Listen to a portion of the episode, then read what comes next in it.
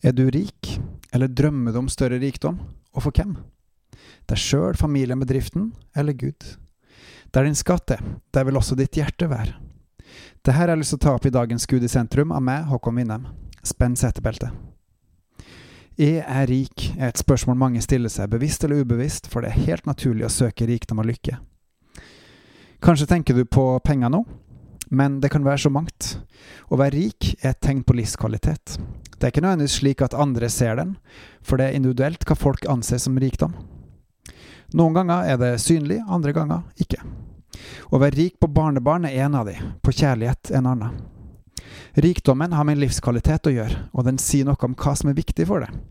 Dette varierer gjennom livet, og det er gjerne i nødsituasjoner en oppdager hva som en virkelig trenger, hva som er sann rikdom, som en sier.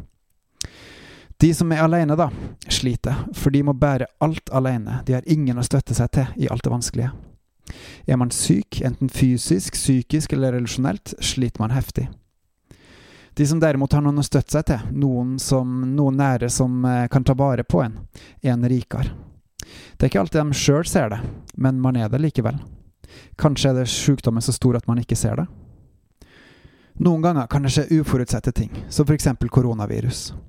Man har ingenting å stille opp med, man føler seg maktesløs. Det er så greit med det man vet hva er og man kan fikse, men foreløpig er vi ikke der med koronaviruset. Og så er det så mange som eh, går bort, Kanskje er det ikke det som tar flest liv, og samtidig er det mange nok til at vi må ta ansvar globalt. Det er da du ser hvor svake og små vi mennesker er. Vi kan eie all verdens rikdom og likevel være borte neste dag. Så brutalt og enkelt, så tungt og vondt. Livet har en begynnelse, og livet har en slutt. Ingen rår over det her, foruten Gud. Krisa kan treffe et menneske her og et der, mens koronaviruset treffer mennesker globalt. Ved livskrisa er det vanlig å spørre seg hva er livet, hva er viktig? Globale kriser kan gjøre det samme.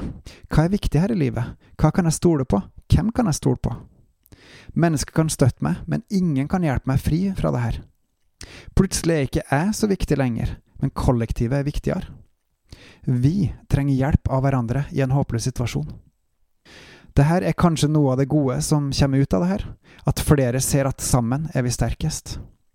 Hadde vi bare vært enige om hva som er best og godt, i hvem som bestemmer det her, og at det er sannheten med stor S, kunne vi ha skapt en god jord her vi lever.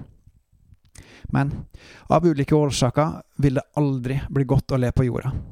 Så lenge vi mennesker lever her, med de makter og myndigheter som er, vil det også være ondskap her. Livet er skjørt, alt på jorda er tidsbegrensa. Hva er da rikdom, og hva kan hjelpe oss?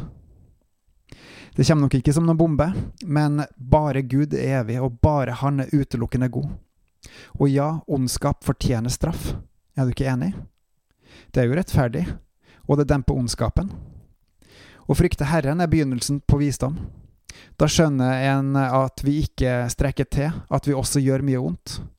Og det her tåler ikke Gud, og han forventer at vi er gode med hverandre, etter hans standard, det som er selve sannheten med stor S. For oss mennesker er det umulig, men for Gud er alt mulig. Vi er døende, han er liv. Vi er født inn her på jorda, og en dag er livet vårt ferdig. All rikdom vi samler oss her på jorda, vil vi miste. Det finnes dog en rikdom som er større enn alt foruten Gud, og det er å kjenne Han. Han er alltid der, og han er alltid nær, til hver og en som påkaller Han. Salme 32-34 tar opp en del av denne rikdommen. Gjennom å få sine synder tilgitt og bekjenne dem for Herren, vil Gud bli ens skjulested, da vil Gud vokte en, og omgi en med en frelses jubel. Med jubel. En er da frelst, men please, ikke stopp der. La deg lede av Gud, sier Salme 32.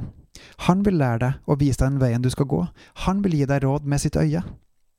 Vi skal prise Herren for hans storhet og allmakt, og han tar seg av sine, sitt folk. Vi setter vår lit til han og blir frelst. La all jorda frykte for Herren, og han frelser hver og en som følger han. I Salme 34 sier David at han vil prise Herren fordi han hører hans bønn, og at de som holder seg nær han, altså Gud, skal erfare hans frelse i all slags nød. Jeg vet ikke når David skrev det her, men hans liv var på ingen måte noe dans på rosa. Saul, Mikael, Batseba, Absalom, folketelling er eksempler på mange tunge dager og år.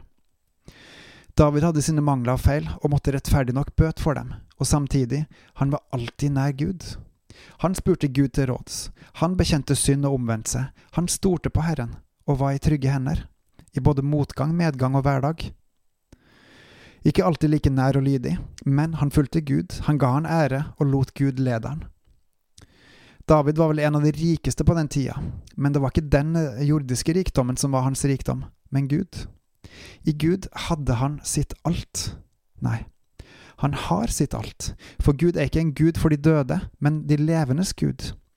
Og nettopp her ligger hemmeligheten, at David fortsatt lever fordi han stolte på Gud og lot seg frelse, og fikk evig liv, et evig liv som starta han bekjente sine synder for Herren, og valgte å la Han være sin herre og la seg lede av Han.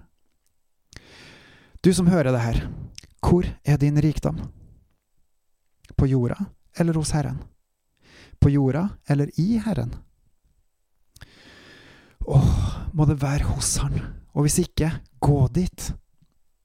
Uansett hvor du er, kom hjem til frelsens trygge havn. Korona, sykdom, lykke, glede, slit. Alt er tomhet foruten Gud, men i Han har vi alt.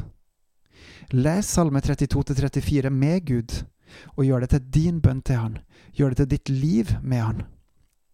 Da vil ditt hjerte juble i lykken over rikdommen du har med Han, og Gud jubler også. Bebels og på gjenhør.